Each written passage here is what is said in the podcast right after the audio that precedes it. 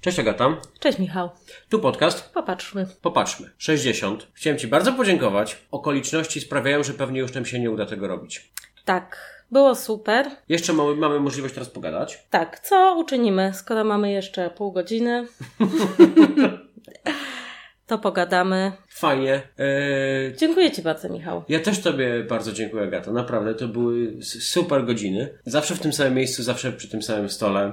Eee, zawsze tym samym pożyczonym mikrofonem. Eee, Agata, e, dziękujemy słuchaczom. Tak, dziękujemy i Fajnie, y, ty, chyba ten, y, moja propozycja jest taka, zostawmy to wszystko online, y, niech to sobie będzie, kupmy jeszcze prenumeratę spo, y, SoundClouda za rok, żeby to jeszcze trochę pobyło, a potem to ja, to ja to zarchiwizuję w jakimś innym miejscu. Mamy, mamy, no z 30 godzin materiału na pewno, myślę, że nawet więcej. Super, a teraz pogadajmy. Tak Agata. jest. Zrobiłaś ostatnio bardzo dużą rzecz, która brzmi bardzo ciekawie i chciałbym, żebyś nam o niej opowiedziała i w ogóle y, jestem super ciekaw, jak to poszło. Milano. tak, e, tak, tak. Mediolanie? tak, jedna, jeden z powodów naszej długiej nieobecności to e, duży projekt, który zrobiłam razem z zespołem. E, robiłam to razem z Małgorzatą Górowską i z Maciejem Siudą. I zrobiliśmy pawilon polski na Triennale w Mediolanie, który został otwarty jakieś e, dwa tygodnie temu i sobie jeszcze tam postoi do września. I Mogę spytać, co to jest Triennale w Mediolanie? tak, tak, tak. I, i od początku. E, Triennale w Mediolanie to jest cykliczna impreza poświęcona projektowaniu. I ona się odbywa w takim formacie właśnie tego typu cyklicznych imprez. My naj, wszyscy najbardziej znamy e, Biennale, zwłaszcza Biennale w Wenecji, które dotyczy sztuki lub architektury na zmianę i polega to z grubsza na tym, że jest jakiś temat, jest jakiś kurator i jest jakaś jakby wystawa kuratorska plus narodowe pawilony, które odpowiadają na zadany temat. No i to jest taki trochę format y, dwudziestowieczny, wiesz, że te narodowe pawilony, mm, co też gdzieś tam w Wenecji ma oczywiście trochę inny kontekst i inne uzasadnienie, bo tam te pawilony faktycznie są. Wiesz, jak tam się pojedzie do, do Wenecji i pójdzie się do Giardini, to tam faktycznie ileś państw, w tym Polska, ma swoje domki i te domki są tymi jakby fizycznie istniejącymi pawilonami. Więc to gdzieś tam oczywiście uzasadnia trochę tę tradycję. Jak wygląda ten Mediolan wobec tego? Natomiast e, Triennale e, analogicznie, tylko na temat designu. Mhm.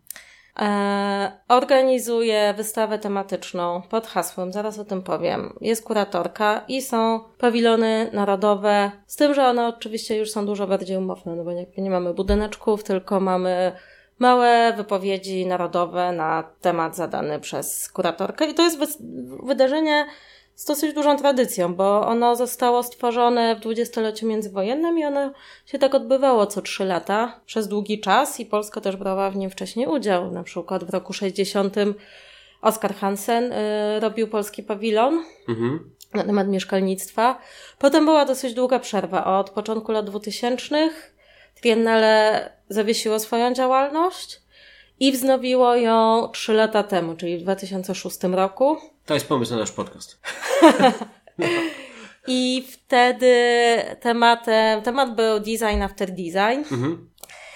Tegorocznym tematem e, jest Broken Nature Mhm. i podtytuł Design Takes on Human Survival, Mhm. czyli odpowiedź designu na z grubsza mówiąc antropocen. To znaczy sytuację, w której e, żeśmy tak zaburzyli funkcjonowanie tych naturalnych układów z holocenu, że za chwilę wszystko już się tak pozmienia, że nasz gatunek najprawdopodobniej będzie w kolejce do wymarcia, oprócz różnych innych gatunków.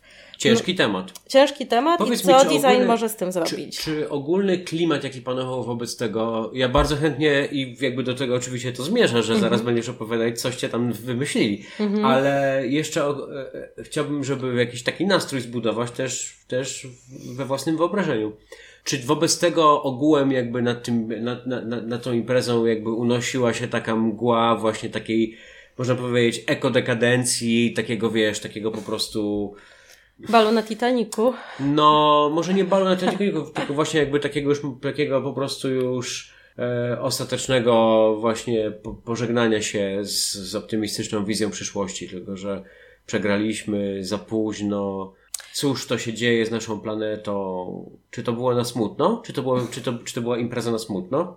Wiesz co, no i tak i nie. To znaczy, trudno mówić o imprezie jako takiej, żeby była na smutno, bo jest to też wydarzenie, które ma jakąś taką swoją otoczkę jakby po, polityczno, mm, może nie celebrycką, ale jakby jest to jakiś taki wiesz, event, który jest robiony z pompą, no i oczywiście są szampany, VIP, garnitury i wiesz, jakieś uroczyste inauguracje, więc jakby, wiesz, atmosfera jak była taka, jak jest na tego typu imprezach. Mhm. Natomiast główna wystawa kuratorki tegorocznej edycji, czyli Pauli Antonelli, ona jest kuratorką z nowojorskiej Momy, jest jakby faktycznie wprowadza nas w taki nastrój, mm, jakby jednak nie tyle katastroficzny, co refleksji na temat tego, że być może jedyne to, co nam zostało, to jakoś elegancko się pożegnać. Mhm. Zresztą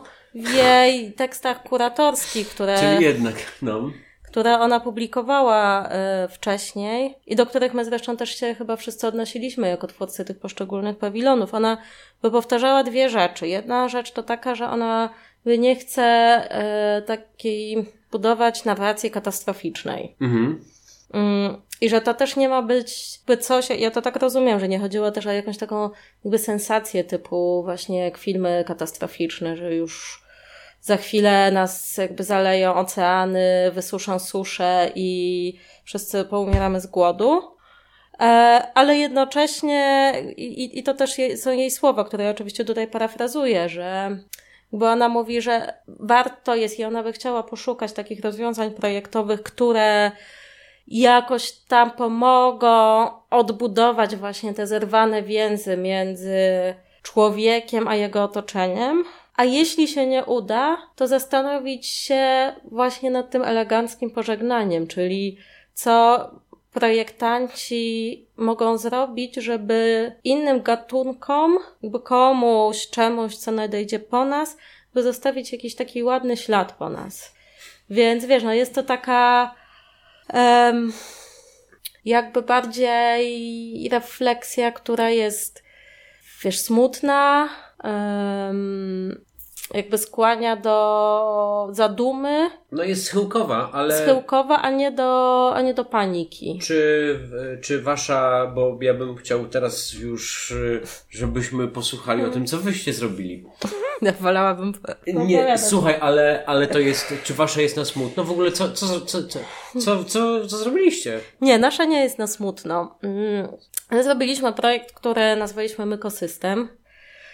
E, I nasz projekt jest poświęcony relacjom międzygatunkowym, co jest też jakimś tematem, w którym jakby wszyscy bardziej lub mniej siedzieliśmy wcześniej. Ty też brałeś udział w wystawie Zeopolis e, półtora roku temu we Wrocławiu, gdzie już gdzieś tam nadgryzaliśmy jakby takie tematy designu w kontekście jakby różnych gatunków i ich relacji między sobą. Czy to jest, e, czy wasz projekt jest e, projektem mm, designu graficznego, czy, czy projektem architektonicznym, czy jest, czy jest projektem użytkowym? Jak to wygląda? Jak, jak, w jakim medium? Wiesz co, w ogóle nie jest użytkowe. Na pewno nie jest użytkowe. Jest to instalacja, która...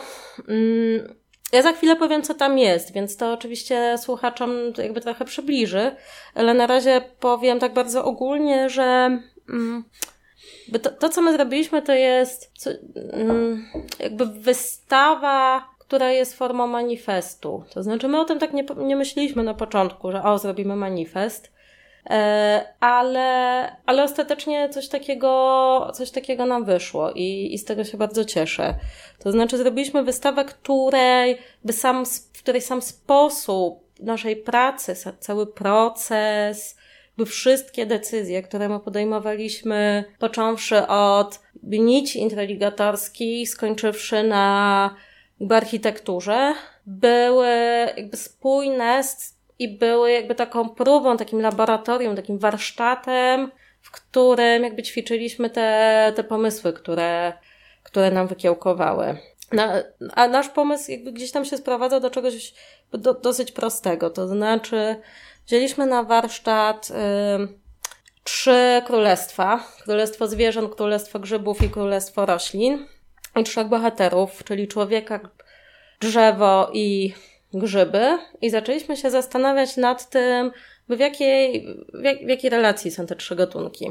Oczywiście wszystko w kontekście projektowania. No i się okazuje, że jakby grzyby uczestniczą jakby zarówno w powstaniu drzewa, które później jest jakby oczywiście źródłem tego surowca, z którego my budujemy, czyli drewna. I potem oczywiście inne gatunki grzybów uczestniczą w rozkładzie tego. I, no i to są oczywiście takie naturalne jakby procesy, jakby przemiany jednej materii w drugą, jakby rodzenia się, zmiany rozkładu.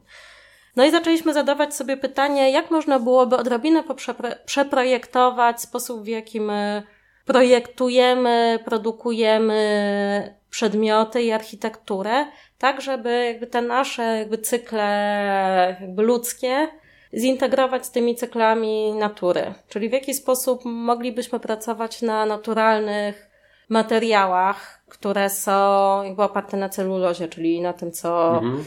co się pozyskuje z drewna. W jaki sposób można na nich pracować, tak żeby później one jakby uległy takiej naturalnej biodegradacji, czyli żeby one by powróciły do tego środowiska naturalnego.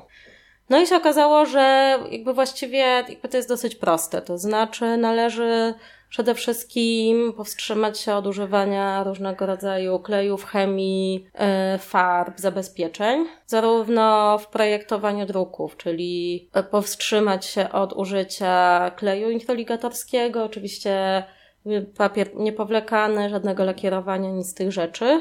I jeśli chodzi o architekturę czy projektowanie, no po prostu używać surowego drewna. No i zaczęliśmy jakoś tam się ćwiczyć w tym, to znaczy popatrzeć, co, w jaki sposób w ogóle to jest możliwe. No i się okazało w procesie pracy nad tą wystawą, że, że to wszystko graniczy z niemożliwością. To znaczy te takie jakby mikroprzesunięcia, no bo w końcu my przecież nie wynajdujemy koła. To znaczy jakby to nie jest tak, że my odkryliśmy jakby nie wiadomo jaki sposób na to, żeby przedmioty, które wytwarzamy, sobie spokojnie trafiły do, znowu do obiegu naturalnego, tylko po prostu powstrzymujemy się przed różnymi działaniami. Bo okazuje się, że w praktyce to jest też nietrudne. To znaczy przekonanie drukarni, żeby e, nie zastosowali kleju w oprawie. Mhm. To jest hardcore. Jakby pięć drukarni powiedziała, że w ogóle nie ma opcji, bo to się nie będzie trzymać. Oczywiście guzik prawda, bo, bo to się będzie trzymać, jeśli będzie dobrze zszyte, ale w tej chwili jakby w tym takim obiegu przemysłowym jakby już nikt nie szyje tego porządnie, tylko po prostu tak szyje tyle o ile i potem zalepia klejem. Jakby tak jest łatwiej. Mhm. Bo wiesz, jakby oni wszyscy, producenci, i ja tutaj nie mówię z żalem, po prostu jakby to jest diagnoza sytuacji. Bo producentom jakby zależy na tym, żeby zagwarantować klientowi coś tam. Na przykład to, że ten przedmiot nie zmieni się w czasie, przynajmniej nie tak szybko, albo nie rozleci się bardzo szybko. Oczywiście, to jest opowieść również o impregnacji drewna, prawda? I to jest też opowieść o impregnacji drewna, no bo to drewno ono się przecież nie rozłoży przez grzyby, wiesz, w rok czy dwa, bo ten cały proces zajmuje od, yy, nie wiem, 50 do 100 lat przy dobrych warunkach, no bo też oczywiście musi być jakaś wilgoć, że jakby w domu ci jakby grzyby nie zeżrą tego drewna. No dobra, czyli to był problem dla Was, yy, ale udało się to przeskoczyć czy nie? Udało się to przeskoczyć yy, za pomocą różnych wybiegów i, i sposobów. Udało się. Na przykład, bardzo ciekawa rzecz. Okazało się w ostatniej chwili, że um, musimy zabezpieczyć instalację drewnianą farbą przeciwpożarową. Mhm. Um, I katastrofa. Kompletna katastrofa dla nas. I udało nam się ostatecznie to obejść e, prostym sposobem. Trzeba było tę instalację, którą zrobiliśmy, e, zakwalifikować do sztuki, a nie do architektury. Mhm. Jak to jest jakby wpisane w papierach, że to jest sztuka, to można to zostawić w spokoju. Jak jest wpisane w papierach, że to jest architektura, to trzeba impregnować farbą przeciwpożarową. Mhm. No i jakby oczywiście też było dosyć dużo eksperymentów na takim jakby poziomie tego, jak to zbudować, czyli jakby cała konstrukcja. Mm, to może która na stanęła... dwa słowa o tym właśnie, co, jak tak, to wygląda. Tak. tak. Wchodzimy do czegoś, do jakiegoś pomieszczenia, czy jesteśmy na dworze? Wchodzimy do pomieszczenia, które jest dosyć małe i dosyć szczelnie je wypełnia e, konstrukcja drewniana, która ma formę platformy. Mhm. I ta platforma, ona się jakby pochyla. Z jednej strony jest jakby dosyć wysoka, na mniej więcej 3 metry, a z drugiej strony jest niska, tak mniej więcej do kolan. I można na wystawę wejść z dwóch stron. Mhm. Może wejść od strony niskiej, może wejść od strony wysokiej.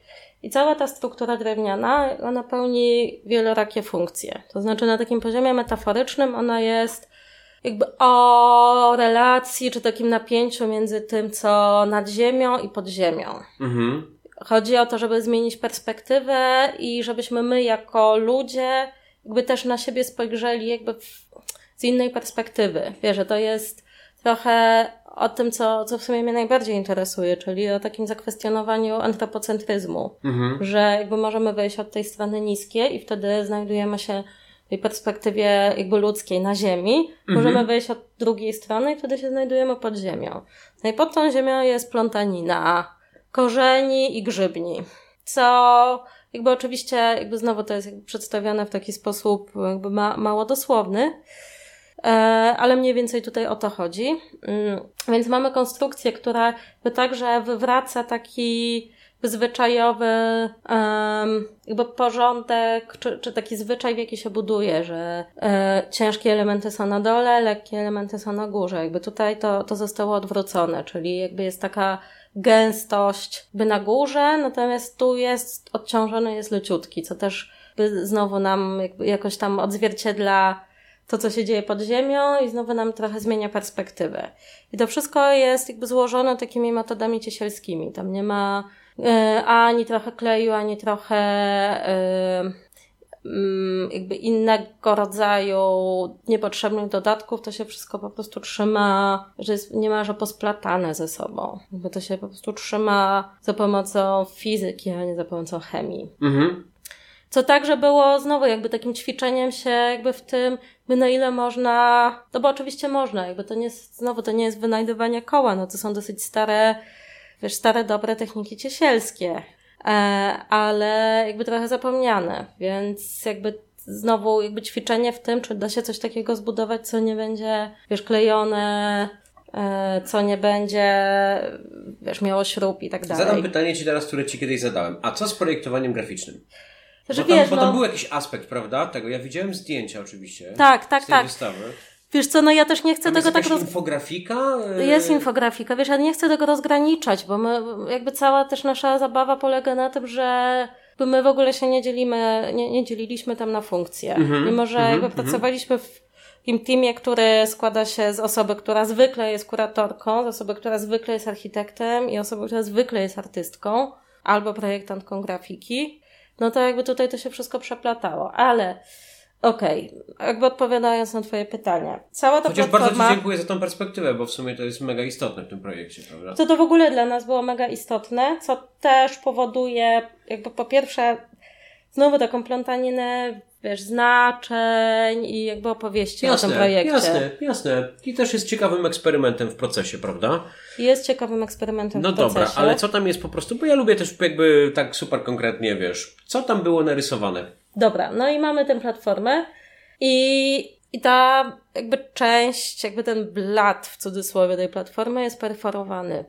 I on jest perforowany, jakby ten, ta perforacja nie jest przypadkowa, ponieważ tam są większe i mniejsze dziurki, które są odzwierciedleniem wszystkich konstelacji, które widzimy z Ziemi a jednocześnie, jak na to spojrzymy od dołu, to, to przypomina taki rysunek, takie dziurki, które pozostawia kornik, mhm. jak się wgryza w drewno. Mhm. Jednocześnie tak też wygląda grzyb pod mikroskopem, więc tutaj mamy takie napięcie między mikro i makroskalą. I ta perforacja, ona także przepuszcza światło, które jakby tak przenika z góry na dół, jakby łączy to, co na zewnątrz, z tym, co wewnątrz. I ten jakby wzór tych konstelacji slash korników slash grzybów, bo on też się pojawia w, w innych miejscach. On się pojawia w animacji, która jest taką dosyć poetycko, już właśnie graficzno opowieścią na temat tych relacji międzygatunkowych, na temat mykoryzy, czyli współpracy między grzebem a drzewem, na temat rozkładu, jakby na temat wycinki drzew, na temat roli także innych, e, e, innych gatunków. No i mamy wspomnianą przez Ciebie infografikę, której towarzyszy legenda. I infografika już w taki dosyć e, uporządkowany sposób jakby opowiada o tej naszej idei, mhm. którą nazwaliśmy ekosystemem, czyli pokazuje takie dwie rzeczywistości. Rzeczywistość, która jest i jest nie do końca fajna i ta rzeczywistość, która mogłaby być, gdybyśmy jakby wprowadzili te mikroprzesunięcia w naszym procesie projektowania i produkcji. Mhm. I, I ta infografika bo ona to jakby trochę przypomina takie dwa płuca, które się różnią szczegółami. Jakby tam jest też cały repertuar, taki niemalże alfabet, jakby ikon, które zostały jakby stworzone na użytek specjalnie tej wystawy i się pojawiają w bardzo różnych miejscach i wypełniają bardzo różne role, więc mamy jakby tych bohaterów, którzy się pojawiają właśnie i, i w katalogu, i w innych drukach, i w animacji, i w infografice, więc więc także opowiadamy o tym za pomocą jego alfabetu symboli, które są um, jakby trochę jakby przypominają taki, wiesz, zestaw tych piktogramów, najbardziej klasycznych, izotype, ale jednocześnie są takim bardzo... Też charakterystycznych bardzo... dla, y, dla Gosi Górowskiej. Tak. Ale jednocześnie jakby jest to taki bardzo specyficzny alfabet form jakby stworzonych do tego projektu. Dobra, to teraz spróbuję y, jakoś zastanowić się nad jedną rzeczą. E, czy, bo ja wyobrażam sobie, że i, i robię to na podstawie galerii zdjęć, które oglądałem i na mhm. podstawie tego, co mi teraz opowiadasz. Używasz słowa wystawa, ale tak naprawdę w jakimś sensie to jest po prostu bardzo złożony obiekt. Mo możemy tak o tym mówić? Nie, ja bym powiedziała, że to jest projekt. Okej, okay, okej, okay, no dobrze, właśnie, ale chodzi mi o to, że, że tak naprawdę obserwujemy pewną jedną rzecz, że ona, mhm. że ona, jest, że ona jest trochę składa się z części, które są nie, e, nie, nieusuwalne, tak? Nie można, tak. prawda? Tak, w przeciwieństwie, tak, to jest powie, w przeciwieństwie powiedzmy do wystawy, do typowej wystawy sztuki, w której są dzieła, które funkcjonowały także w innych kontekstach, na przykład na innych wystawach. Tak, prawda? tak, to jest całostka, jest to, to taka jest... spójna instalacja. No dobra, czy, czy to jest w ogóle sposób, w jaki ludzie, inni uczestnicy te, tego triennale podchodzili do tego zagadnienia? Czy to jest, czy triennale to jest triennale całostek? E, w dużej mierze tak. Czy kuratorzy jakby sugerowali właśnie takie podejście do tych zagadnień? Czy to jest jakiś duch czasu? Co to sprawiło? Wiesz co, to jest tak, że... Mm, czy, czy jeśli... pawilonu jakby to powoduje...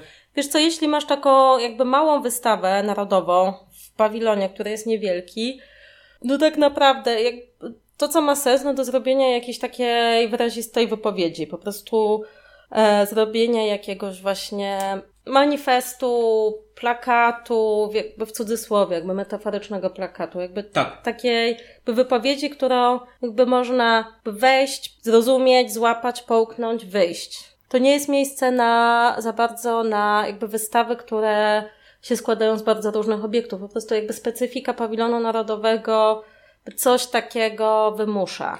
To Wiesz, przychodzą tak... ludzie, którzy zwykle mają jeden, maks dwa dni na obejrzenie 21 pawilonów narodowych plus gigantycznej wystawy kuratorskiej. Jasne. I to jest taka, ale oczywiście nie wszyscy tako, jakby nie wszyscy tak robili. Były też takie mikrowystawy, które właśnie się składały z różnych obiektów, ale one w tej skali, one są dużo mniej ciekawe, dużo słabsze. Wiesz, w ogóle wydaje mi się, że taki sposób budowania wystaw właśnie, żeby one były bardziej całostkami. To oczywiście, słuchaj, ja, ja szukam jakiegoś bardziej eleganckiego wyrazu na to. Takiego, e, bo jednak teraz rozmawiamy sobie żargonem, ale... Co, no to raczej myślę, że się mówi instalacja po prostu.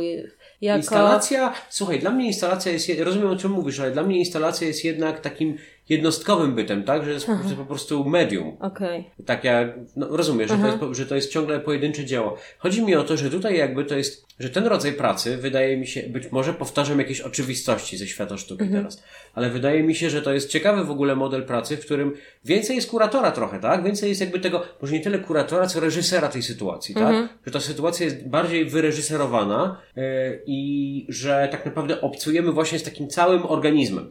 To jest fajne. To jest fajne dlatego, że to zupełnie inaczej zarządza od, yy, wrażliwością odbiorcy, e, trochę urealnia tą sytuację, to znaczy mówi, hej, to jest pewna w jakimś sensie narracyjna całość, tak, e, którą, przez którą musisz przejść, z którą się musisz w całości zapoznać, ale nie, nie jest ona tak, powiedz, powiedziałbym, to jest przesypująca się przez palce. Nie chcę użyć słowa miałka, bo to nie o to chodzi, ale przesypująca się przez palce. Jak taka typowa wystawa w Muzeum Sztuki Nowoczesnej. Gdzie po prostu chodzisz od eksponatu do eksponatu i w gruncie rzeczy tylko twoja dobra wola ozn- y, y, definiuje to, że czytasz to jako całość. Twoja dobra wola, jakby twoja chęć zgodzenia się z, z wizją kuratora, któ- o której musisz przeczytać też być może i z konwencją w ogóle muzeum, prawda? Że okej, oto jest muzeum, oto jest wystawa, oto jest zbiór obiektów, które są w jednym miejscu. E, Natomiast tutaj jakby dostajesz to, to jest takie zrośnięte w sobie. Moim zdaniem to jest w ogóle recepta na sztukę, tak? Że, że, że sztuka w galeriach tak powinna być robiona. Że to jest znacznie fajniejsze e, niż e, wystawy pojedynczych rzeczy. Ja myślę, że to jest też kwestia skali. Wiesz, że jak masz du- dużo miejsca, to są, wiesz, bardzo takie banalne rzeczy. Że jak, jak masz dużo miejsca, no to kurczę go nie zapełnisz czymś takim. E, no to będzie wtedy jakieś nadymanie.